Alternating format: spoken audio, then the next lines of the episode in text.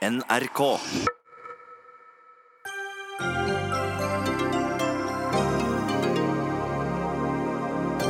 Budsjettkameratene brøt ikke tradisjonen med å finne på eller øke avgifter. Denne gangen øker sukkeravgiften, og industrien varsler at arbeidsplasser står i fare. Gjør de det fordi en Kvikk blir 78 øre dyrere? 161 straffesaker er opprettet etter avsløringene om seksuelle overgrep i Tysfjord kommune. Politimesteren beklager, men hvordan kunne dette skje? Forskere mister nattesøvnen når staten vil ha flere åpne kontorlandskap uten faste plasser. Og Posten Norge får 500 millioner for lite av regjeringen, sa Senterpartiet for en måned siden. Da skulle en vel tro at millionene var på plass i Senterpartiets eget budsjett? Nei, det er det ikke.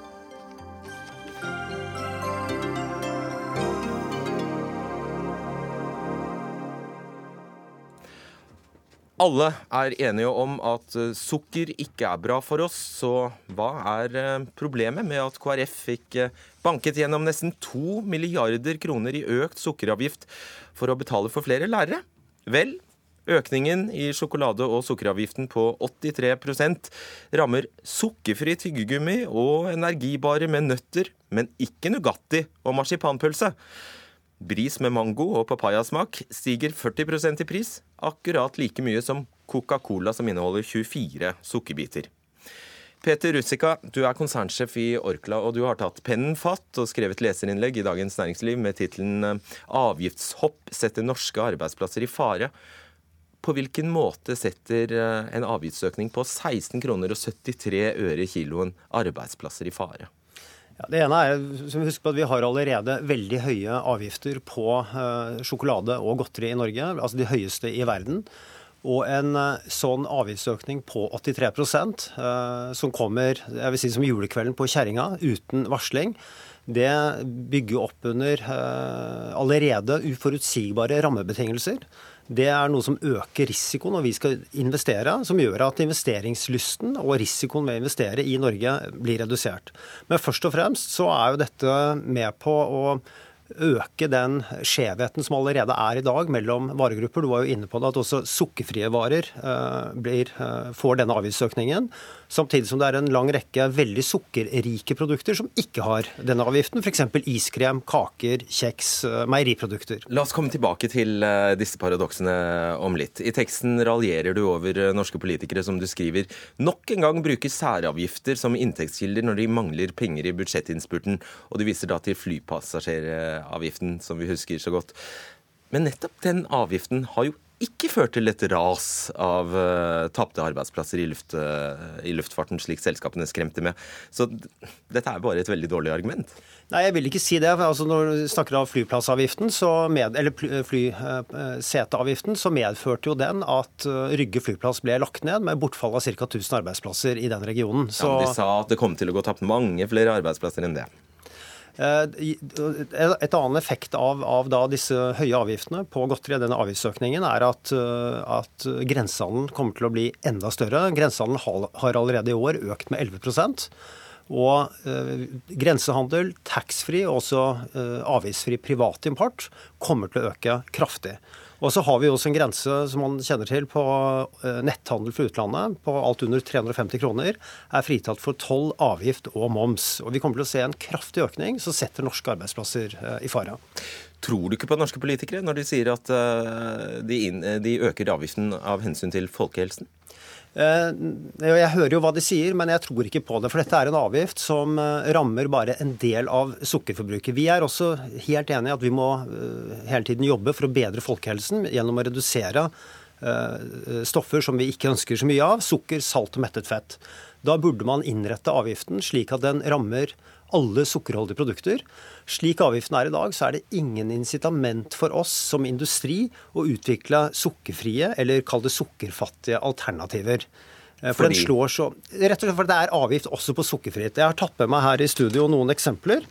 Um, nå vet jeg at dette er radio, så alle, alle kan ikke se ja, dette. Ja. IFA uh, pastiller, sukkerfrie, er rammet av denne avgiften. Uh, likeledes da småsulten nøttebar med sjokolade er rammet av avgiften. Derimot så er denne Bixit-baren, som er musli med sjokolade under, den har ikke avgift. For det er ikke uh, den, den, faller utenfor. Og kanskje det mest ekstreme eksempelet er da vitaminbjørner. Som er 100% sukkerfrie, som er altså vitaminpiller for barn, er avgiftsbelagt og får også denne økningen fordi at de er utformet som godteri, for det er bjørner. Ja, Da må du veldig kort forklare oss logikken i, i systemet. Hvorfor blir det sånn? Nei, Det er ingen logikk i systemet. Dette er en avgift som ble innført i 1922 uh, som en ren fiskal avgift. En slags, en slags luksusavgift den gang. Og så har, har, den da ikke blitt uh, korrigert. Vi har uh, prøvd å få endring i denne avgiften i mange mange år, men har ikke lykkes med det. Og så er det som sagt da veldig mange sukkerrike produkter som ikke er omfattet av det, f.eks. iskrem uh, osv. Det som da er litt uh, merkelig, er at dere har jo levd uh, tilsynelatende ganske godt med dette systemet. For det, det du, dette paradokset er jo slettes ikke nytt. Men det er først altså idet avgiften øker, at, uh, dette, at dette blir et problem for dere. Hvorfor det? Fordi at Det ene er at vi har allerede verdens høyeste avgifter. og Når vi da får en 83% økning på toppen av det, så blir det krevende. I tillegg så får vi veldig kort tid på å innføre dette. Vi snakker om eh, noen få uker. Eh, det er en avgiftsøkning på rundt 2 milliarder for, eh, for næringen, som, som, vi da skal implementere i løpet av noen få uker. Det, og det grenser til det useriøse, faktisk. Alternativet til det systemet vi har i dag, og som gir disse utslagene, det er vel et alternativ f.eks. der man avgiftsbelegger sukkerholdige produkter etter innhold, hvor mye sukker de har. ikke sant? Da, ja. ja et sånt system vil jo ramme dine egne produkter. Da ville plutselig kunne yoghurt eller Nugatti eller bakevarer eller ketsjup osv. få avgift. Så da kan du jo ende med å skyte deg selv i foten. Nei, altså Vi er for det. Vi er for alt som kan være med på å bidra eh, folkehelsen. Eh, og, og vi mener at en generell avgift på sukker, altså innholdet i produkter, er en mye bedre løsning. Dels fordi at det da rammer faktisk sukkerforbruket, som man jo ønsker å få ned. Dels fordi at det da vil insentivere til å utvikle produkter uten sukker, eller med lavt sukkerinnhold. Og så vil da alle sukkerholdige produkter være med å bære avgiften, slik at det ikke er så skjevt som i dag, hvor en liten gruppe produkter som må bære et stor, Jeg skjønner, men hva hvis du risikerer I dag er det altså 40% av produktene som uh, ikke har uh, sukkeravgift, men som har sukker i, i, seg. Hva hvis politikerne da bare tenker ja, da dobler vi bare avgiften, da? Ja, da, da, har du skutt deg i foten. Det kan du godt si, men da kommer vi til å få en enda større grensehandel. Og jeg tror at her må man, eh, må man være realistiske hva man skal få til. Og det jeg også har lyst til å påpeke, er at dette er en avgift som ikke har noen dokumenterte helseeffekter. Det er ikke dokumentert at forbruket av sjokolade og godteri er gått ned som følge av denne avgiften. Jeg tror man bør se på andre virkemidler. Helt til slutt, politikerne skal straks overta her, Rustika. Hva mener du det aller viktigste spørsmålet de må svare på er? Jeg mener at de må ta et helhetlig perspektiv og se på hva, hvilke avgifter, hvilke innretning er det som virkelig kan gjøre noe som kan få ned sukkerforbruket. Og da må man se på det totale sukkerforbruket, alle varer som inneholder sukker, og ikke bare disse få kategoriene vi snakker om. Ok. Takk skal du ha, Peter Rustica, konsernsjef i Orkla. Nå er jeg litt usikker på om du hadde lyst til å bli sittende, eller om du eh, ville forlate. Du jeg, forlater. Jeg ut, det er helt greit. Takk skal du ha. Takk skal du ha. Økningen i sjokolade- og sukkeravgiften samt avgiften på alkoholfrie drikkevarer vil altså gi 1,8 milliarder blanke kroner i statskassen ekstra hvert år. Men det, er jo forutsatt at eh, avgiften ikke fungerer, faktisk at vi fortsetter å putte i oss nøyaktig like mye godteri og brus som før. Kjell Ingolf Ropstad, nestleder i Kristelig Folkeparti. Vi vet altså at dere har brukt 660 millioner på bevilgninger til kristent arbeid for eh, blinde og svaksynte og andre små tiltak. Men dere trengte også 200 millioner for å finansiere denne læreren og etter hvert utskjelte lærernormen.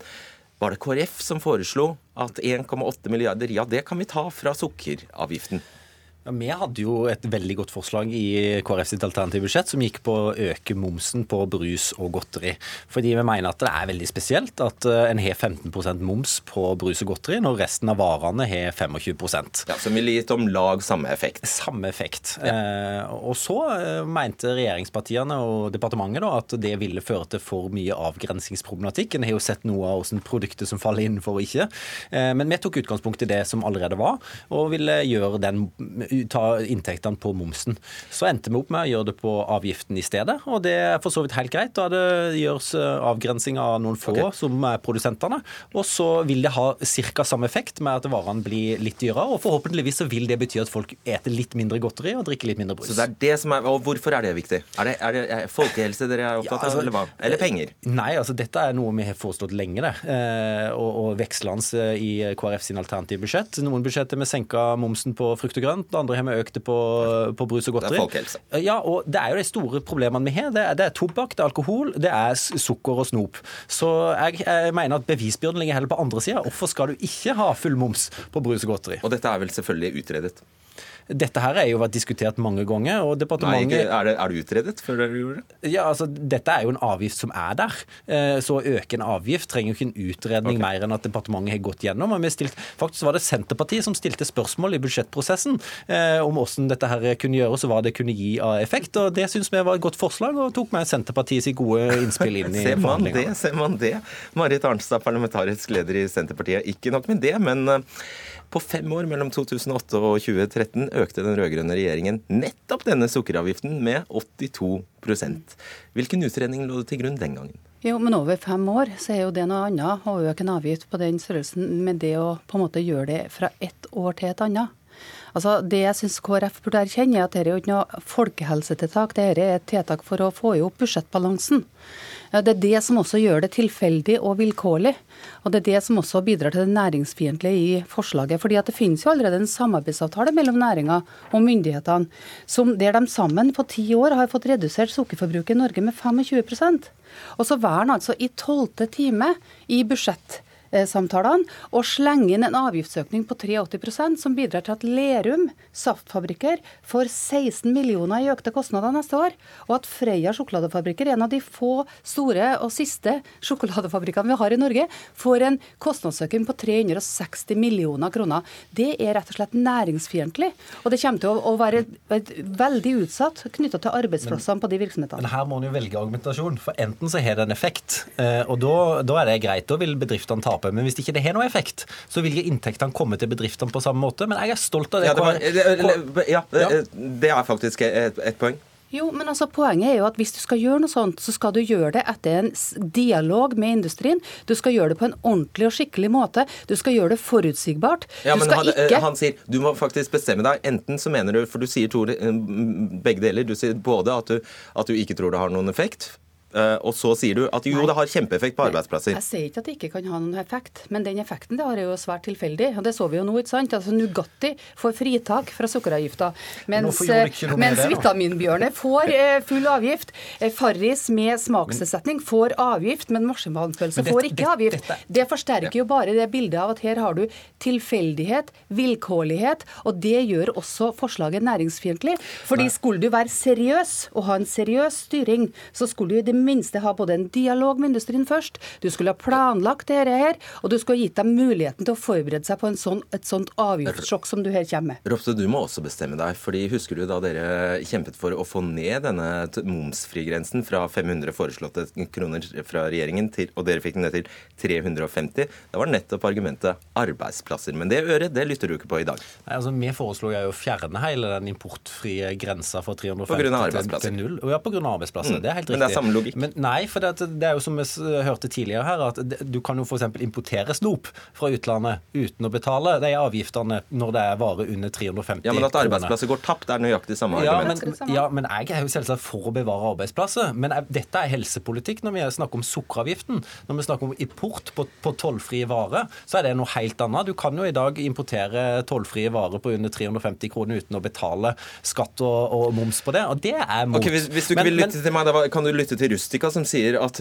han tror ikke på dere når dere sier at uh, dytter folkehelsen foran dere? Ja, Hvis du ser på KrF sitt alternative budsjett, da, så, så budsjetterte vi med to milliarder i inntekter. Men vi gikk to milliarder i pluss på budsjettet, så vi hadde ikke trengt de pengene. Men vi mener at dette her er god politikk. Dette er god folkehelsepolitikk, og derfor så gjør vi det. Men jeg vil jo eh, motsi at det er dårlig næringspolitikk. fordi at gjennom hele, eller de siste årene så har vi senka selskapsbeskatningen fra 28% til nå 23 ja. Vi har hatt formuesskattelettelse, så det er jo en helhet i politikken politikken med at du senker avgiftene på arbeidsplasser på bedriftene, og så øker du det på miljøfiendtlige ting og på helseskadelige ting. Og, Og det er en god politikk. Spør, da vil jeg gjerne spørre, hva skal du si til Lærum fabrikker i morgen? En distriktsarbeidsplass som produserer saft i Distrikts-Norge. Viktige arbeidsplasser på Vestlandet. Hva skal du si til dem i morgen, når, når KrF over natta har påført den bedriften 16 millioner i økte kostnader, uten at de ante noen ting på forhånd om at det kom til å komme? For det fikk de først vite dagen etter budsjettforliket, når de bladde opp avisa eller slo på radioen. Hva skal du si til Lerum i morgen? Dette kom midt på natta.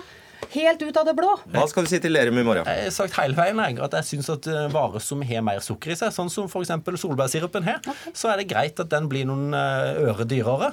Og så håper jeg jo at de tar det ut òg, sånn at forbrukerne får Men- dyrere Hvorfor skal varer. bris med aprikotsmak eh, bli dyrere? Nei, altså Der skal jeg være enig. For jeg syns òg at avgrensing av de ulike varene er ganske spesiell. Så jeg er veldig med på å se på det.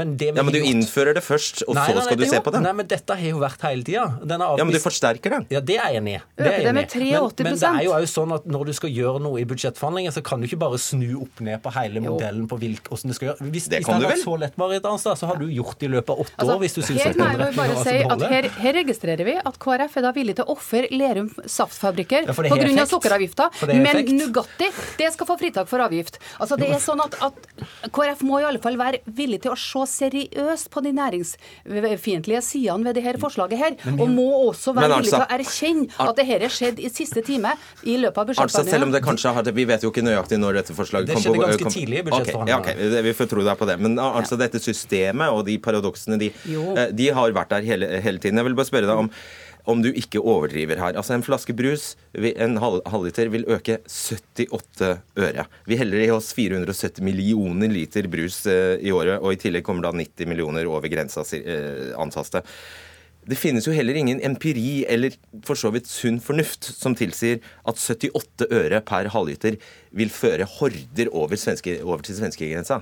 Nei, så det kan godt hende at norske forbrukere vil takle det her. Men norsk næringsmiddelindustri er svært konkurranseutsatt i forhold til både konkurransen med over grensa til Sverige, og også når det gjelder marginene for øvrig. Og det er jo dem som rammes i stor grad av det her, og det er vilkårlig på hvilke varer du får det eller ikke. I tillegg så må jeg si at, at eh, det er på en måte et eksempel, et eklatant eksempel på dårlig styring. Altså Vi har et næringsliv som er vant til forutsigbarhet, eh, trygg og rolig styring, et nokså stabilt klima. Og så plutselig så slår det på budsjettforhandlinger mellom Høyre, Frp og KrF og Venstre, og da får du noe sånne avgiftssjokk i siste time. Det fikk vi med plastposeavgiften, det fikk vi med flyseteavgiften. Nå får vi det med en sukkeravgift som ingen har utreda. Hvorfor ikke bruke litt tid på å utrede dette her? Hvis du vil ha et mer sofistikert, hvis du mener disse paradoksene er uheldige, hvorfor ikke bruke tid på å utrede, finne, mer, finne ut hvordan man kan lage et mer sofistikert system som, som rammer ja, mindre vilkårlig? Det er jo fordi at dette er en avgift som har eksistert i lang tid. Og så har det vært en kjent avgrensingsproblematikk. Eh, Men vi mener jo at vi må prøve å treffe så godt som mulig, og hovedsakelig så treffer den jo godt. Altså Hadde du tatt 1000 produkter med, med sukker, så hadde de aller fleste Hadde du hadde nikka til de aller fleste, så vil det alltid være en problematikk akkurat med henne grensa gjenger. Men jeg er enig, jeg. jeg. Vi kan godt se på innretninga. Kanskje du i større grad eh, kan òg Ja, kanskje Lerum gått dukken i mellomtida? Nei, men det det som er bra med Lerum, er at de jobber det de kan de, for, for å få ned sukkerinnholdet i de ulike drikkene. Og det tror jeg vil være bra for folkehelsa. De får ikke økt Og jeg incitament til å fortsette jeg tror i arbeidet da, når de blir Jeg tror at nordmenn er så glad i solbærsirupen fra Lerum at det kommer til å handle mye av det. Jeg holdt på å si dessverre, for jeg vil jo òg at det skal ha en effekt. på at Så mye gratisreklame for Lerum her. Eh, Håkon eh, Meyer, du er overlege ved Folkehelseinstituttet, og i tillegg er du professor i forebyggende medisin eh, ved Universitetet i Oslo. Bare dra tallene for oss. Hvor mye sukker spiser vi nå, og er det på, er, spiser vi mindre eller mer enn før? Eh, Vi spiser mindre enn vi gjorde for noen år siden, men hvis vi ser på eh, langt tilbake i tid, så spiser, vi, eh, så spiser vi mer enn vi gjorde i gamle dager, for å si det sånn, men det har gått ned de siste årene. Det har det. Og hva med brus? Ja, brus så eh, hadde vi en eh, enorm statistikk rundt år 2000. Da lå vi på, hvis jeg husker riktig, så rundt 90 liter per capita, per hode, norske hode, per år med sukkerbrus. Ja, og det er bare 52 uker i året, så da sier det seg Ja, det er mye brus. Mm. Det er mye brus. Og nå er vi nede i 60 liter. Det er jo også veldig mye. Og vi spiser 14,2 kilo sjokolade- og sukkervare per år per person. Hva sier da forskningen altså det, eh, Hva sier forskningen om sammenhengen mellom pris og konsum? Altså Internasjonal forskning så, så sier noe som er kanskje ganske opplagt, at uh, skattlegging av usunne matvarer av betydelig grad reduserer forbruket. Og så enkelt er det? Så enkelt er det. Sett på en sånn synsvinkel så ser jo jeg også, når jeg ikke er politiker, skal vi si heldigvis, og jeg ser jo at dette er jo kompliserte ting når man bruker grensehandel og avgift og alt mulig sånt, mens egentlig så enkelt er det. Ja. ja. fordi hvis det tyter ut i form av uh, netthandel eller svenskehandel, så kan jo vinninga gå, gå, opp i spinninga. Men det er kanskje ikke, hører kanskje ikke med under, under fagfeltet ditt. Um, en del av problematikken her er jo at Norge kan ikke på egen hånd endre disse kategoriene. Vi må ha med oss EU på, på dette. Mm. Man vet f.eks. ikke i dag hvor mye sukker nøyaktig hvor mye sukker det er i en Toblerone eller i en KitKat. Hva forteller det deg? Nei, altså dette vil jo, Det vil jo opplagt være en fordel hvis dette er noe som en kan ta på sånn eh, overnasjonalt nivå og bli enige om ting. Og igjen, Nå er jeg ikke politiker, så det er ikke mitt behov, men, men, det vil jo være en stor fordel. Og at det ikke var så lønnsomt å dra til Strømstad eller til Svinesund, det er opplagt. Men det betyr kanskje også at det, er, det går en grense for hvor mye man kan gjøre helt uh, alene her i Norge? Ja, men Samtidig, så når man da ser på internasjonal litteratur så oppsummerer, så, så, trekker man fram et gode eksempler på hvor har man gjort noe. Og da, da, er jo Norge et land som har gjort noe på dette området, som er et forbilde for andre land, faktisk. Vi setter strek der. Takk skal dere ha. Marit Arnstad, Kjell Ingolf Ropstad og Håkon Meyer. Dagsnytt 18 alle hverdager kl 18.00 på NRK P2 og NRK2.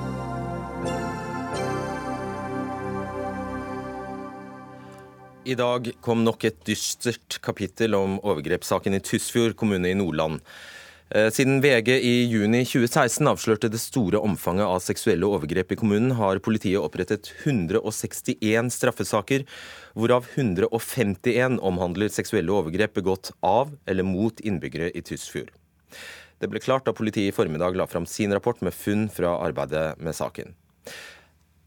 Eh, vi skal først gå til deg, eh, Tone Vangen. Du er politimester i Nordland. Da denne saken ble publisert, hadde du sittet eh, ja, om lag et halvt år som politi politimester.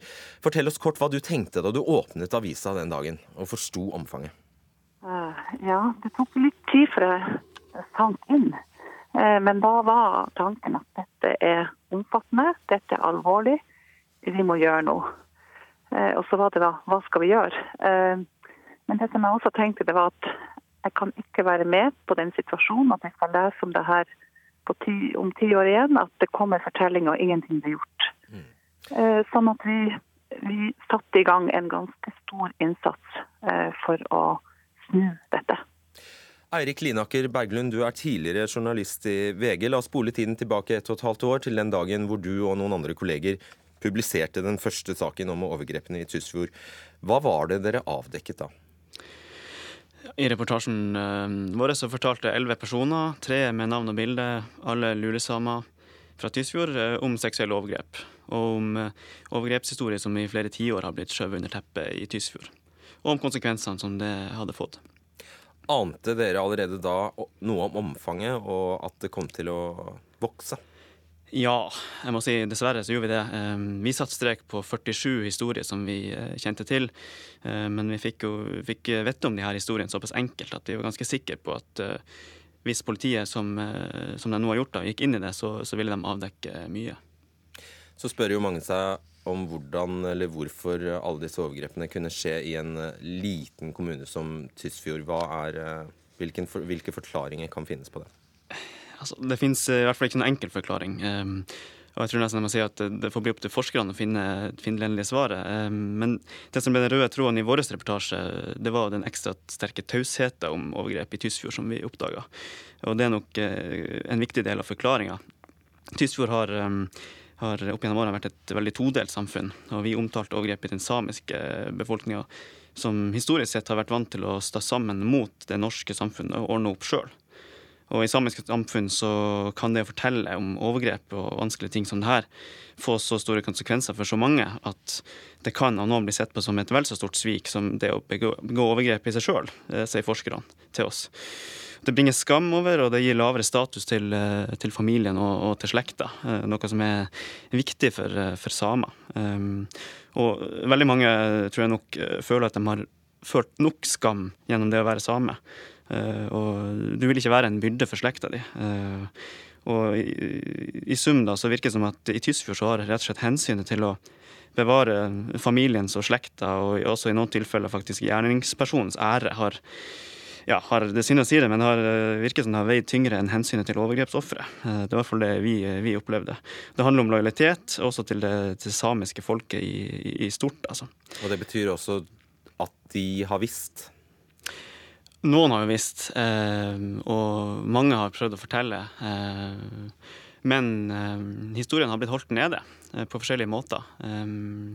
og det er jo synd. Det gjør jo at at det i sin tur da blir lettere å begå overgrep også i, i siste instans, vil jeg tro. Nå er ikke jeg en ekspert på området, men når ingen står fram og står opp og sier at det her er ikke greit, så kan sånne ting skje, og det blir jo på en måte stilltiende legitimert, da. Mm. Tone Vangen, fremdeles politimester i Nordland. Siden den gangen Berglund gjorde sine undersøkelser, første undersøkelser, har jo saken vokst. og Dere la altså fram en rapport om saken i dag. Vi snakker om 161 straffesaker, hvorav alle bortsett fra ti omhandler seksuelle overgrep. Den eldste saken er fra 1953. Den nyeste er fra august 2017. Vi snakker altså om en overgrepsskandale som strekker seg over de siste 64 årene. Har ikke politiet visst? Eh, jo, jeg tror nok at politiet har visst noe. Eh, og det er jo heller ikke slik at politiet ikke har jobba med overgrepssaker i Tysfjord. Eh, men det har jo selvsagt ikke vært godt nok. Eh, og det er jo også sånn at det kommer frem i noen av disse forklaringene at man har fortalt politiet. Det har ikke skjedd noe. Eh, vi finner ikke spor etter anmeldelser. Men det er klart at man har ikke evna Eh, å jobbe med dette samfunnsproblemet, disse overgrepssakene, slik man burde. Men det er klart at veldig mye av det som vi har avdekka, ligger tilbake i tid, da, som du sier, 10-20-30 år tilbake i tid. Og politiet hadde nok ganske andre forutsetninger å jobbe under. Eh, det var et lite lensmannskontor. Mm. Eh, det var mindre kompetanse. Sånn at politiet jobber jo med det her på en helt annen måte i dag. Til det Berglund eh, sier, altså at det kan finnes kulturelle forklaringer på dette lokket som ble lagt på sakene. Har politiet hatt manglende tillit i disse miljøene? Det har vi hatt. Det har absolutt vært et tillitsproblem mellom politiet og lokalsamfunn, og særlig de samiske miljøene. Så Det var jo virkelig noe vi måtte jobbe med når vi bestemte oss for at nå skal vi gjøre noe. Mm. Vi har brukt veldig mye tid på dette med kontaktskaping, tillitsskaping, og også jobba med oss sjøl for å forstå det lokalsamfunnet som vi skal jobbe i. Og jeg er veldig veldig glad for at mange har sagt til meg i dag at eh, den tilliten er i mye større grad gjenreist. Og det har veldig stor betydning for oss. Eh, bare litt uh, raskt. Det er flere av, eller noen av ofrene som uh, i ettertid har blitt utsatt for trusler. og I rapporten skriver dere at trusler som er framsatt fordi de har stått fram og varslet politiet om overgrep. Hva slags trusler er det? Jeg kan ikke gå i, i, detaljer på hva som er sagt. Men det som er åpenbart, det er jo at det er ikke alle som har syntes at det å begynne å grave i det her har vært en god ting. Sånn at uh, Det som jeg vet at de fornærmede har på en måte kjent på det at de, kan ha blitt altså føle på at man kan bli utstøtt, at man har fått beskjed om at man splitter familier osv. med å stå frem. Uh, sånn at det er klart at det har vært en kjempestor belastning for alle disse menneskene å komme frem med sine forklaringer. Men det har jo vært av usedvanlig stor betydning. Uh, for jeg tenker at nå står vi overfor et tidsskille. Altså Det som har skjedd, det må ligge bak oss. Så Det viktige for oss her nå er jo det forebyggende perspektivet. Hva skjer fremover? Uh, vi får snakke mer om det en, en, annen gang. Takk skal du ha, Tone Vangen, og takk også til Eirik Linaker Berglund.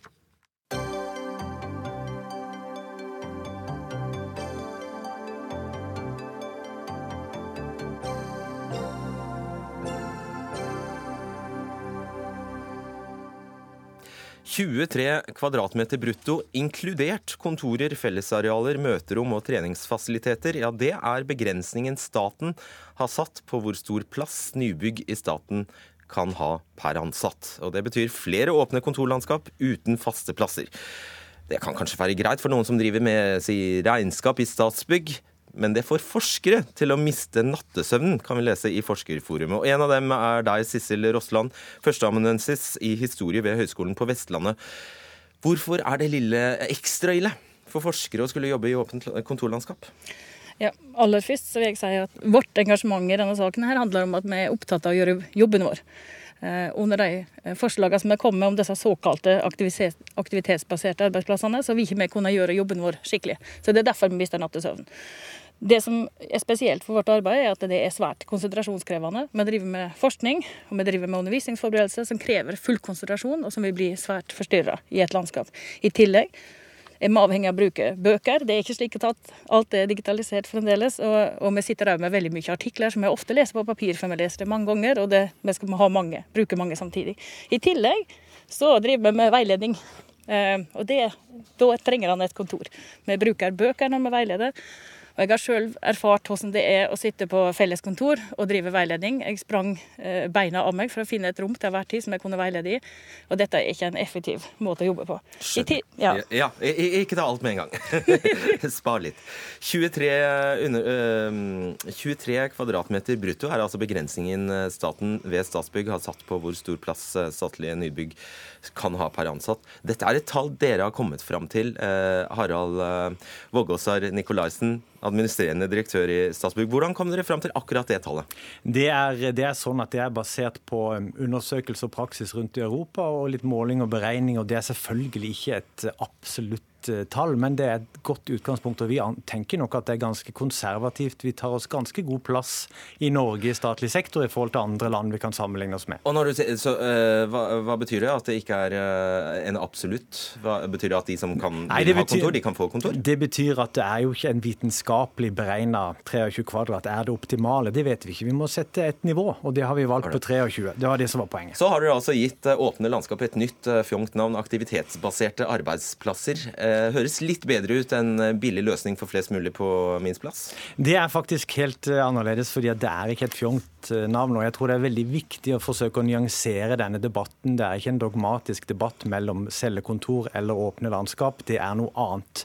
Det er altså det at vi i et moderne samfunn må forsøke å gjøre arbeidsplassen til å reflektere mer den type oppgaver som vi skal gjøre på jobben. Altså ikke nødvendigvis hver mann sitt kontor, hvis det ikke er på den måten vi jobber lenger. Og Det er det mange eksempler på at det ikke er hensiktsmessig. Og Da kan vi ha aktivitetsbaserte arbeidsplasser, hvor man altså har mulighet for å jobbe på flere måter i samme virksomhet, litt avhengig av hva dagen bringer. Og Det er på en måte hovedpoenget her. Og Dette gjelder selvfølgelig også forskere? Dette gjelder også dette gjelder kunnskapsmedarbeidere og andre medarbeidere, og også forskere. Eh, hva sier du til det, Roslund? Det er jo bare en ny og spennende måte å jobbe på? Nei, altså det, det, det bare én ting å si. Dette, er, dette må bånde i at uh, folk i Statsbygg ikke vet hvordan vi faktisk jobber. Jeg ser i Forskerforum i dag at en sier at han skal utvikle, finne opp nye arbeidsformer. Men vi vet faktisk hvordan vi jobber, og det er ikke veldig vanskelig å finne ut hvordan vi faktisk jobber. Vi vet hva vi trenger, og vi trenger et kontor. Uh, arbeid, altså, når, jeg, når jeg spør de som støtter dette her, om hvordan skal jeg gjøre denne jobben, hvordan skal jeg kunne forske, undervise og veilede, så har de ikke noe konkret svar. Det eneste som kommer, er noen generelle eh, vyer om eh, hvordan framtida kommer til å forandre okay, vi kan seg. Høre med, vi kan, kan, jo høre med Nikolaisen om han har en idé. Ja, vi, vi, har, vi har, en idé, og, og, jeg tenker også at dette er en, en norm som, som, gjelder for mange. og det er, helt, altså det er to ting vi skal være klar over. For det første er det sånn at 30% av alle kontorarbeidsplasser i Europa og i Norge står tomme i arbeidstida. Så, så det er slik at vi må bruke arealene våre mer effektivt, både ut fra et klimaperspektiv og ut fra et økonomisk ja. perspektiv. Det er ikke Russland bryr seg så veldig mye om Nei, men det våre, tenker jeg at vi alle må Det må vi alle bry men, men oss litt om, tenker jeg. Hva skal hun gjøre med bøkene sine? Skal, altså, skal hun trille dem rundt på en tralle eller i, i landskapet, eller hva skal hun gjøre? Er, og da vil jeg si en gang til, Det er ikke snakk om landskap eller kontor, det er snakk om at vi utformer framtidas arbeidsplasser litt mer fleksibelt enn at det skal være én ett kontor til hver person. Den tida er over. Folk er på kontoret sitt varierende grad, og det må arbeidsplassene reflekteres. Og så må det også være sånn ja, det, må også, bare en ting, det må også være sånn at vi må ikke bare diskutere om det skal være et kontor, eller om det skal være fleksible arbeidsplasser for samarbeid og informasjonsutveksling. Vi må også diskutere hva skal skje når kontoret står tomt. Er det lov for andre å bruke det, eller er det en privat eiendom som er reservert navnet som står på døra? For eksempel det, Rosland, fordi det er tida for uh, bilder av katten på veggen, eller ekstra ekstraparsko uh, eller presskanne. Den er borte. Nei, altså Det er ganske absurd å bli møtt med dette her. Det faktum at jeg må være vekk fra kontoret mitt når jeg har undervisning, eh, at det skal nå brukes mot meg og, og, og, brukes som argument for at jeg ikke trenger et kontor til å gjøre alt det andre arbeidet, det er rett og slett absurd. og eh, En ser veldig mange andre steder at dette her er gjennomført, og det ender med, sånn som i Malmö f.eks., at en et, eh, etter kort tid så må man faktisk begynne å sette opp veggene igjen. For dette fører til mindre produktivitet, det fører til at folk sitter og jobber hjemme, og det fører til økt sykefravær. Så den der, om, den der, altså den økonomiske inntjeningen som jeg mener kan ha på dette, her, kan vise seg å bli veldig dyr på sikt. og Det håper håper jeg Statsbygg tar alvorlig. Vi skal introdusere tredje, tredjemann her etter fusjonen ved NTNU, der NTNU slo seg sammen med høyskolen i Ålesund, Gjøvik og Sør-Trøndelag. Ja, det, det har, vi, har, vi, hatt debatter om òg. Planlegges det å slå sammen flere campus i sentrum av eh, Trondheim. Gunnar Bovim, rektor ved NTNU. Hvordan vil det påvirke dine ansatte? Ja, Vi skal arbeide for at uh, Eh, de som er ansatt hos oss, yter maksimalt av det de kan få til gjennom et godt tverrfaglig arbeid og godt vitenskapelig arbeid og godt administrativt arbeid. Hurra. Men hvordan skal dere gjøre det i praksis? Ja, skal de det, få kontor? Det vi har eh, arbeidet med, er at vi eh, erkjenner alt det Nikolaisen og Rosland diskuterer, så om både kontoreffekt eller arbeidsplasseffektivitet, økonomiske rammer og behovet for å se dette litt mer differensiert. Sånn at det vi vil tenke at er fornuftig, er at når det gjelder vitenskapelig ansatte hos oss, så er det særlig vekselvirkningen mellom dette langvarige konsentrasjonsarbeidet, hyppig veiledning av studenter som kommer og går mellom forelesninger eller gjennom sin oppgaveskriving, og som da bør vite hvor den vitenskapelige ansatte sitter. Eh, det gjør at vi tror det er fornuftig å anbefale et skjerm noe mer areal per vitenskapelig ansatt enn det vi vet at vi har tilgjengelig for eh, oss andre, meg inkludert, som driver med administrative oppgaver. Får de kontor, eller får de ikke kontor? Vi kommer, som alle andre byggeprosjekter, å ha en blanding, og det har vi hatt i mange år. Mm. Vi har noen åpne arealer og noen eh, enekontorer, men vi tror at det er fornuftig å legge inn en arealmulighet for det skjermingsbehovet og det tilgjengelighetsbehovet som vitenskapelige ansatte har, så vil vi, når vi kommer så langt i prosjektet, eh, se på om, om det er enekontor som er beste løsningen. Men, okay. men, men, men, det er ikke sånn at enten skal alle ha enekontor, eller alle skal sitte i landskap. Du, den modellen her, Rossland, hvis din ledelse ved Høgskolen på Vestlandet hadde anvendt den, hvordan hadde du sett på det? Nei, jeg synes det er positivt at Bovim, i motsetning til Rokne, som er rektor på Høgskolen Vestlandet, iallfall åpner opp for å forstå og prøve å høre på sine ansatte. Det er veldig positivt. Men, men, men samtidig så jeg tror vi skal anerkjenne òg at uh, mange administrative trenger òg eh, tid til ro til konsentrasjonskrevende arbeid, og de har òg studentkontakt. Så det er ikke nødvendigvis gitt, syns jeg, at en skal skille sånn, sånn enkelt. Det, det, er det ikke. Nei, det, det, er jeg også enig i, men, men poenget er at innenfor den arealnormen som ligger med 23 kvadrat, så er det jo også mulig at en del kan få enekontor. Det er ikke sånn at alle må i landskap Nei. med det. Men, men, vi tror vektingen er litt ulik for administrative oppgaver som jeg driver med og andre driver med og det vitenskapelige arbeidet. Nikolaisen, nå må du eh, være veldig eh, kort. Du ser at dette har faktisk skapt eh, stor stor misnøye. og Det oppfattes som at Statsbygg her, Statsbygg her trer en rigid norm nedover hodene på alle ansatte i staten.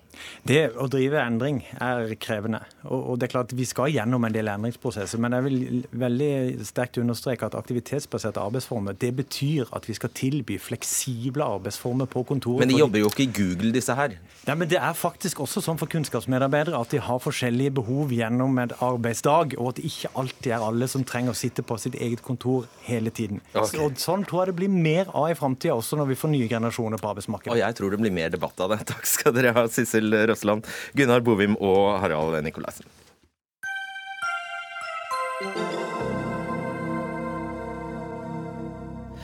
Vi skal til en langvarig sykehusstrid i Finnmark som har fått eh, tusenvis av altaværinger til å gå i demonstrasjonstog og til å sende postkort til stortingspolitikere. Beskjeden er klar. Alta trenger et akuttsykehus, men helsemyndighetene har bestemt at det skal være to sykehus i Finnmark, og de skal ligge i Hammerfest og Kirkenes. Monica Nilsen, ordfører i Alta fra Arbeiderpartiet, med oss fra studio i Alta.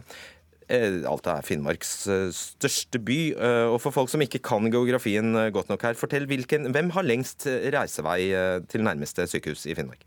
Ja, altså Alta har to timer, ca. to timer reisevei til sykehus. og Vi må over en værutsatt fjellovergang som ofte er stengt.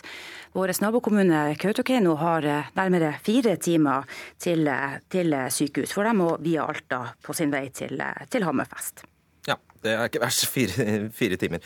Um, det er altså bestemt at sykehusene skal være i Kirkenes og Hammerfest. Hvorfor tar dere da omkamp på det? Vi, eh, vi har kjempa en kamp i mange år når det gjelder helsetjenester, når det gjelder akuttilbud og når det gjelder fødetilbudet eh, for våre eh, innbyggere. Og I dag er det sånn at det skal investeres milliarder av helsekroner i Vest-Finnmark. Det foreligger ingen utredning på hvordan vi skal fordele helsekronene. Og det er krav til at man skal utrede denne type investeringer. Mener dere loven er brutt, eller? Loven sier at uh, offentlige anskaffelser over 500 skal uh, utredes, uh, ikke når det gjelder helse, men de skal være vel så gode. Vi har vært nødt i Alta til å engasjere et uhilda selskap for å komme med utredninger og dokumentasjon på disse tingene. Nettopp fordi dette er ikke gjort av helseforetak eller storting. Skjønner. Kristian Fanghol, du er direktør for Helse Nord med oss fra studio i Bodø. Forklar, Hvorfor er det best for pasienter i hele Finnmark å ha sykehusene i Kirkenes og Hammerfest? Nei, først så vil jeg si at Den diskusjonen som har oppstått her, mellom, spesielt mellom Hammerfest og Alta, den er ulykksalig og, og, ikke bra. Nei, altså vi har, eh, Det er fire grunner til at vi mener at det sykehuset skal fortsette å være i Hammerfest. Og det er, punkt nummer én det er at der er det, har det vært bygd opp et fagmiljø over veldig lang tid. Og det å beslutte å flytte et sykehus medfører veldig stor risiko. Det andre er at de som har vanskeligst for å komme seg til sykehus i dag i Finnmark, det er kystbefolkninga. De vil få det enda verre dersom det sykehuset flyttes til Alta, samtidig som det er noen tusen eh, flere som vil få en kortere vei. Så mener vi at de samfunnsmessige konsekvensene av å flytte sykehuset fra Hammerfest til Alta vil være veldig stor, og når gevinsten er så liten som det vi ser her, så mener vi det ikke er aktuelt. Og til slutt, ja, og det, nei, og det siste det er jo det at vi hadde en lang prosess sammen med Finnmarkssykehuset og Alta kommune i 2013-2014, der vi faktisk ble enige om hvordan helsetilbudet i Vest-Finnmark skulle utvikles. Og Det baserte seg på sykehuset i Hammerfest, og at vi skulle investere 450 millioner kroner i Alta i nye spesialisttjenester. Hvem ble dere enige med øh, det om? Bl.a. med Alta kommune. De har vedtak i kommunestyret sitt fra i mars 2014, der det også ble nedstemt å gå for ei sykehusutredning. Stemmer det, Monica Nilsen? Ja, det stemmer at vi får en eh, utbygging som eh, vil være viktig i Alta. Men den omhandler ikke akutt, den omhandler ikke føde. Og så er jeg veldig enig Nei, i det han nå. sier i forhold til Nei, vent nå. Han sa du har vært med på vedtaket. Vi har eh, vært med på å være eh, klar for at det skal komme en utbygging i Alta som går på planlagte, planlagte eh, helse- sykehustjenester. Men det som er folkekravet i Alta, det går jo på den akuttbiten. Og jeg er helt enig i at det her har skapt splittelse i Finnmark. Men hadde vi fått en utredning, hadde vi fått det dokumentert, så hadde ikke konflikten vært så stor. Og du fikk en utredning, ja, Monica Nilsen. Vi har ikke fått en utredning. En utredning. Du betalte for en utredning. Jeg har fått en utredning. Og hvis man ikke ønsker å legge den til grunn, så må man, ja. så må man bestiller sjøl. Finn, ja. sånn er det. og det gjorde du. Finn eh, Gjerul eh, Rygg, du er partner i eh, Oslo Economics. Du har laget en rapport på oppdrag fra Alta kommune for å utrede samfunnsvirkningene av en endret struktur i sykehusene i Vest-Finnmark. Og dere konkluderte da altså med at samfunnet kunne spare 450 millioner kroner på å flytte akuttsykehuset fra Hammerfest til Alta. Hvorfor det? Eh, det er primært fordi, eh, eh, sånn som det er blitt med befolkningsutviklingen i Vest-Finnmark, så bor det stadig flere folk nærme Alta. sånn at befolkningstyngdepunktet i fylket har flyttet seg dit. Og Det betyr da at reiseveien vil etter hvert bli vesentlig kortere for snittinnbyggeren i Vest-Finnmark mm, ved å flytte sykehuset. Det er den viktigste grunnen til at du får den virkningen. Men så listet jo Fangol opp fire vektige grunner. Mm. Og Vi har, har, sett på alle de argumentene og, og, og, utredet de, og vi opplever at vi har gjort det på en, på en balansert måte. Og vi ender opp da, Når vi ser på totaliteten, så ender vi altså opp med at det er en klar favør for, for, samfunnet av å flytte eh, sykehuset fra Hvor mye fikk du for å skrive den rapporten? fra Alta kommune? Det har vi fått 500 000 kroner for. Okay. Eh, greit. Eh, Sveinung eh, Stensland, stortingsrepresentant for Høyre. Hvorfor ikke denne, denne rapporten, denne utredningen, den skulle jo du ha gjort, eller dere ha gjort? Den saken her er jo, som det har blitt nevnt her tidligere, blitt utreda mer enn én en gang i de systemene som vi har innenfor helseforetakene, som er de samme systemene vi bruker på andre beslutninger enn forbi helseforetakene. Og det ville være veldig rart hvis en skulle stille andre krav eh, akkurat i denne saken enn i andre sykehusutbygginger. Så det utredes aldri, er det det du sier? Nei, det utredes selvfølgelig. Det redegjør jo representanten for Helse Nord for. Og så er det jo sånn da at eh, den, som det ble sagt, den utredningsforskriften for statlige investeringer, den, den gjelder heller ikke for helseforetakene de har et annet system. Og vi har ganske gode erfaringer med sykehusbygg. Det er faktisk sjelden at det er store overskridelser på den type prosjekter. Hva sier du til denne konklusjonen? da? Den konklusjonen der bærer jo preg av en 500 000 kroners rapport bestilt av Alta fra Oslo Economics eh, med en konklusjon om å flytte det sykehus. Og så refererer en til gjennomsnitts... Eh, Au da, vent, ta det. Så refererer en til, nei, så refererer en til gjennomsnitts eh, Finnmarksinnbyggeren. Den finnes ikke, så vidt jeg vet. Og det er jo en del andre argumenter her som vi bør se på. Det, denne saken her er, som det ble nevnt, ulykksalig. Og den er, bærer preg av dårlig kommunikasjon. Og den bærer preg av manglende tillit mellom eh, deler, en del og en annen del i Finnmark. Okay, rygg. Og, ja, det det... Nei, du får ikke snakke i evigheter. Ja. Rygg. Uh, han, han beskyldte deg egentlig for uh, å ha lagd et makkverk av et bestillingsverk. Og, og, det må han jo selvfølgelig få lov til å gjøre. Det er jo ikke riktig av den grunn, selv om han sier det. Men jeg synes det mest interessante Men du må forsvare deg. uh, altså, vi, vår rapport ligger der. Den er helt transparent i alle analyser som er gjort. Det er ennå ikke kommet noen konkrete innvendinger som tilsier at vi har gjort noe feil i den rapporten. Det har bare kommet sånne, sånne utsagn som dette, som ikke inneholder noe fakta. Vi har forsøkt å få frem fakta. Men jeg synes det viktigste som sies her, er det som er direkte feil. Som er at dette faktisk er utredet etter instruksene som gjelder for helseforetakene. Det er ikke riktig. For det er ikke riktig. Det foreligger ingen utviklingsplan som ser på sykehusstruktur, og det har også Helse Nord selv ja, vært åpne om. Så, så det syns jeg er veldig interessant at, at, at sies. Hva sier du til det, Fanghol? Nei, jeg sier det at det aller viktigste er at um, når eh, man skal bare bestemme seg for at ulike plasser skal vurderes, så trår jo den utredningsplikten i gang. Men her var det, vi har ansvar for spesialisthelsetjenesten i Finnmark. Vi har truffet alle beslutninger i denne saken. Og Det har vi gjort med utgangspunkt i at vi ikke vurderte det som aktuelt å flytte til sykehuset. Ut fra de fire grunnene som har nevnt det. Og særlig, vi var enige med Alta kommune om hvordan dette skulle utvikle seg. Eh, og da eh, var det ikke noe grunnlag for oss å gå i gang med store utredninger. 500 000 ville jo være blåbær i en sånn sammenheng når vi skulle utrede dette spørsmålet fullt ut. Okay, Nilsen, jeg må få lov å komme på, ja. Altså, Enighet i forhold til å, å, bygge opp eh, planlagte tjenester i Alta. Ja, selvfølgelig. Vi ønsker mest mulig tjenester hit. Men det her, føl, det her handler jo også om å følge opp egne instrukser i forhold til hva som skal eh, utredes. Og Det er jo en, en, det er blitt en sak det her om at, at Hammerfest-miljøet kjemper for sine arbeidsplasser. Men vi i Alta vi, vi er redd for å miste livet. Og jeg tenker det, Når man skal bruke to milliarder La oss nå si to milliarder på investering. Så må man jo se til at fellesskapet sin verdier blir forvalta på rett måte. Hvordan bør den fordelinga være mellom Alta og Hammerfest? Jeg ønsker at hammerfestingene òg skal ha et, ha et godt eh, sykehustilbud. Og jeg ønsker at altaværingene ja, Det er vel neppe sånn at hammerfestværingene syns det er topp at dere tar omkamp? Nei, men vi kjemper en kamp for innbyggerne. Vi har et helt folk som har reist seg. Nå... Det har pågått i mange, mange år. Nå skal det gjøres investeringer, og det er viktig at vi ser på funksjonsfordelinga eh, mellom eh, sykehusbyene i Finnmark. Men, og, det, og det, Der har Monica et godt poeng. Det er klart at Hammerfest-miljøet også må se på hva er det slags funksjoner som kan løses i Alta eh, av planlagt virksomhet fremover. Men det er jo underlig at vi har nettopp behandla Nasjonal helse- og sykehusplan. Dette spørsmålet var overhodet ikke reist. Vi har nettopp vedtatt strukturen fremover for fire år. Den problemstillingen har ikke vært på dagsordenen. Og da er det en teori om hvorfor det kommer opp nå? Nei, det har jeg ingen teori om, men Nei, at det er så enkelt som at Alta-befolkninga ønsker et sykehus. Jeg mener jo det at I Nasjonal eh, sykehusplan så står det også at man skal eh, behandle pasientene flest mulig nærmest der de bor. Hvorfor kommer det nå, Nilsen?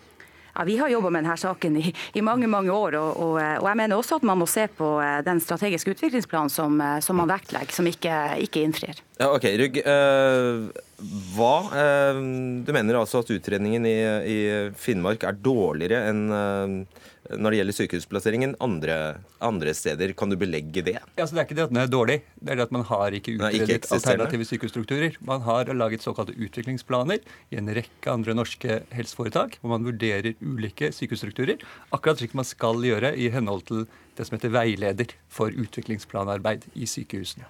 Og, Det har man ikke gjort i Finnmarkssykehuset. Og det er jeg glad for at Helse Nord har vært helt åpne om at det har man ikke gjort. For de har lagt det til grunn som en beslutning at sykehuset skal være i Hammerfest. Og så er det veldig viktig å få frem. I vår rapport så har vi sagt at hvis dette handler om å flytte et sykehus, et fullt fungerende sykehusbygg og bygge noe nytt, så skal man aldri flytte det. Men det man skal nå, er jo å bygge et helt nytt sykehus i Hammerfest for to milliarder kroner. Hvor du ikke skal gjenbruke noe av den gamle bygningsmassen. Og Når du først skal ta en sånn beslutning om å bruke to milliarder kroner, så bør du også finne ut hvor det sykehuset bør ligge. Og det Skal man se alle planverk som finnes for, for statlige eh, beslutninger, så skal man utrede før man gjør den typen beslutninger. Ja, det, og det syns jeg også Høyre faktisk ja, det, burde være enige om. For dette er for å ja, men, bruke eh, pengene våre. Igjen så antydes at denne saken ikke her er godt gjennomarbeidet. Den har vært gjennomarbeidet lenge, og som Helse Nord er inne på, det har vært en lang og god prosess, og Stortinget har gjort sine vedtak. Alta kommune har vært inne, og den type ting. Det en bør bruke denne saken til Det er vel ingen utviklingsplan her, er det det? Nå, det, det vi bruker denne saken til, det er å se på hvordan vi kan få et best mulig tilbud for alle i Vest-Finnmark. Og det som jeg opplever, jeg, i motsetning til ordføreren i Alta, så var jeg i Hammerfest i går på et veldig fint møte om utviklingen av eh, helsetjenestene i Finnmark. Der nemlig det var tema. Der opplevde jeg jo at det var veldig god tone stort sett rundt det her. Og, og, det er jo akutt, ja, det, er ja, akutt, det, var akutt, det, var akutt, eh, det er jo akuttjenestene som er viktige, og der er det noen svakheter i samarbeidet. Det, du kommer til å få denne saken i fanget i Stortinget, for Venstre har altså varslet at de vil se på, på det på nytt. Hva kommer til å skje da? Den saken blir avgitt i Stortinget på torsdag, og da vil alle få se hva Stortinget mener om den saken. Ja, Hva kommer til å skje da? Ja, Det får vi se på torsdag når innstillingen foreligger. Nilsen, hva er håpet nå? Ja, jeg håper, eller jeg forventer at man eh, støtter det forslaget som Venstre har levert. At man får eh, en utredning, at man får eh, utreda sykehus, sykehusstrukturen i Finnmark. Det er bare å se til Helgeland.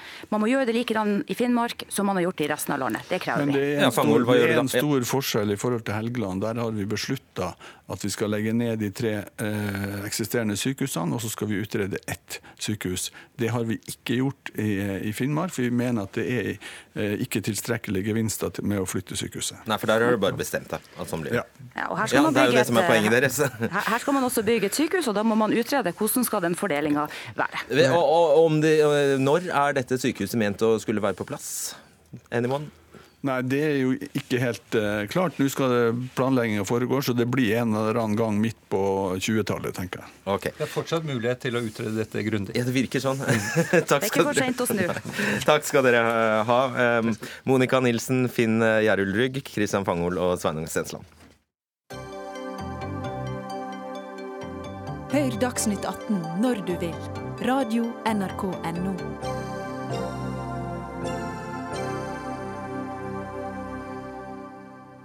Vi sender halvparten så mye post i dag som vi gjorde i år 2000. og Det betyr mindre inntekter, men høyere kostnader for Posten Norge. For å dekke utgiftene til postombæring fem dager i uka, slik Stortinget har bestemt, bevilget regjeringen 165 millioner på neste års statsbudsjett. Dette er en utarming av Posten. Her mangler en halv milliard kroner, protesterte Senterpartiet for om lag en måned siden. Men da Senterpartiet selv skulle vise kortene sine i eget alternative budsjett, ja da lå det skarve 100 millioner mer der til Posten enn det regjeringen ga. Altså langt fra 500 milliarder kroner. Starte med deg, Ketil Solvik-Olsen, samferdselsminister for eh, Frp, eller fra Frp. Du bevilget 165 millioner altså til postombæring fem dager i uka. Hvor tok du det tallet fra? Det er en vurdering basert på hva som er ulønnsomme posttjenester. Posten har over lang tid, i mange mange år, sagt at ca. 5% av de postomdelingene de har, er ulønnsomme og må da kjøpes som en tjeneste via staten. Ja, Det skjønner vi, men hvor tok du det tallet fra? Ja, Det er basert på hva Posten selv anslår at det er. Eh, så har, jo, og, men så er det som Senterpartiet har akseptert, det er at ikke bare 5 er ulønnsomt, men alt er ulønnsomt hvis du skal dele ut mer enn 2,5 ganger i året. Jeg skal sitere Posten, Ketil Solvik-Olsen. Ja. De sier til oss eh, det mangler 500 millioner kroner for å opprettholde servicetilbudet. Å dekke dette hullet er en kortsiktig løsning. Som sagt, hvis målet er å dekke fem dager i uka, med det Posten sier fra 2018, at de kun er lønnsomt å ha to og en halv dag med postomdeling i uka, da er tallet til Posten riktig. Det vi har lagt til grunn, det er at fram til nå så har Posten sagt at det kun er 5% av markedet som er ulønnsomt, og dermed må kjøpe tjenester. Så Senterpartiet sitt regnestykke var jo basert på at eh, nå er det kun fornuftig å ha to og en halv dag med postomdeling i uka, med mindre staten betaler. Men det ble, dette blir en veldig teknisk Ja, det gjør det, merker jeg. Ja, men, jo, ikke sant? Men, men, det la du opp til, så gratulerer. Der fikk du det du ville. Men det, men det, som er poenget, det er at Senterpartiet sa at det mangler en halv milliard. De bevilga selv 100 millioner. Men det som kom i tillegg, det er at de vil òg reversere alle endringene som har skjedd de siste to årene. og Det betyr at du egentlig dytter på Posten ytterligere 400 millioner kroner i nye utgifter. Og da er det ikke bare 100 millioner, da har du altså en manko som gjør at Posten ville gått i minus. Okay, nå forvanska du. Det er et problem. Ja, det er et problem. Ja, ja, det skjønner jeg, men nå, OK. Ivar Odnes, stortingsrepresentant for, for, Senterpartiet, medlem i transport- og kommunikasjonskomiteen. Altså, det er slik at regjeringen, hvis du legger sammen det man gir til postombæring fem dager i uka, pluss avisombæring på lørdager, så bevilger regjeringen 262 millioner kroner. Det er det som står i statsbudsjettet. Det var da dere gikk ut og sa her mangler det 500 millioner. Og så kommer deres eget budsjett, og så er det bare lagt inn 100 millioner til. Hvordan forklarer du det?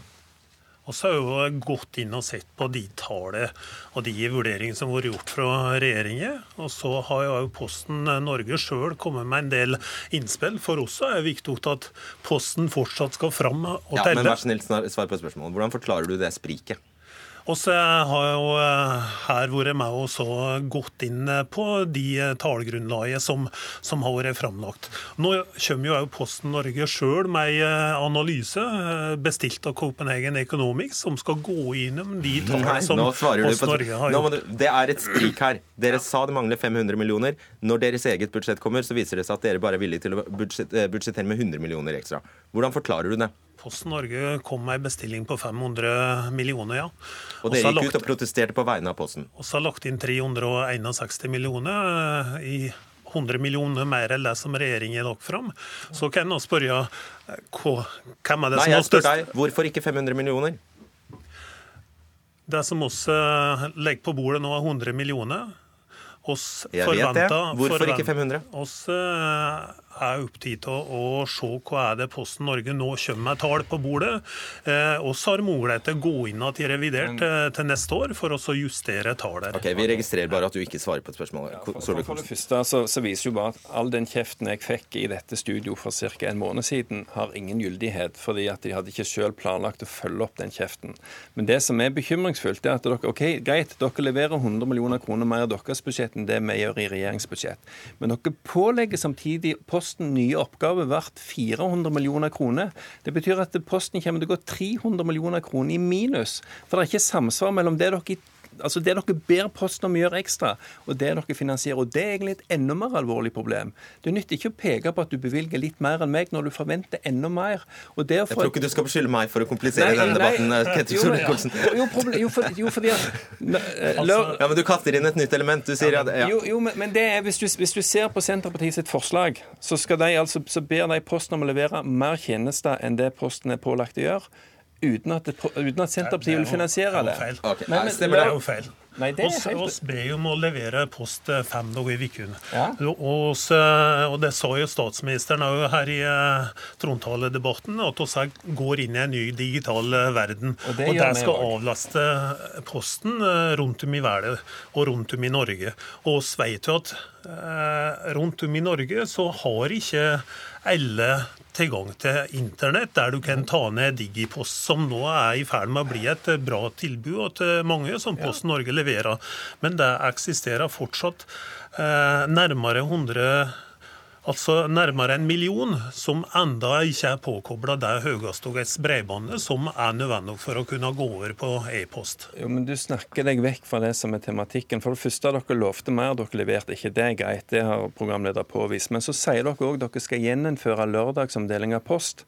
Det vil koste rundt 400 millioner kroner mer. Dere bevilger 100 millioner. Hvordan får vi det til å henge sammen? Ja, det var, vi er tilbake til der vi Legge ned Kvikkas overføre lørdagsombæring på avisa til Posten. Jo. De har et system som fungerer. I dag så brukes nesten en halv million. Da, da, mangler du 300 millioner kroner. Du legger ned Kvikkas greit, du sparer 100 millioner. Hva har du å si hva Senterpartiet gjør i sitt alternative budsjett? De er milevis fra flertall. Jo, det er, det er riktig, men, men med, NRK ga Senterpartiet masse oppmerksomhet for en måned siden fordi at Senterpartiet ikke var fornøyd med regjeringsbudsjettet. Nei, det er hva som skulle ha sittet der, da. Nei, nei, men det som jo er poenget, det er at når noen kritiserer regjeringen for manglende uh, levering, leverer de selv når de skal prioritere? Og ja, det er et lite poeng. gjør de ikke. Er et lite poeng. Ja. Her er det regjeringer som sitter med utfordringer som legger så lite skilling på bordet uten at de har et grunnlag for å si at dette er nok til å levere fem Nå må jeg si at nå er det nok. Takk skal dere ha, Ketil Solvik-Olsen og Ivar uh, Odnes. Ja, da er det sånn at uh, Dagsnytt 18 er over. Arnhild Myklebust, Lisbeth Sellreite og Fredrik Solvang ønsker alle en riktig god kveld.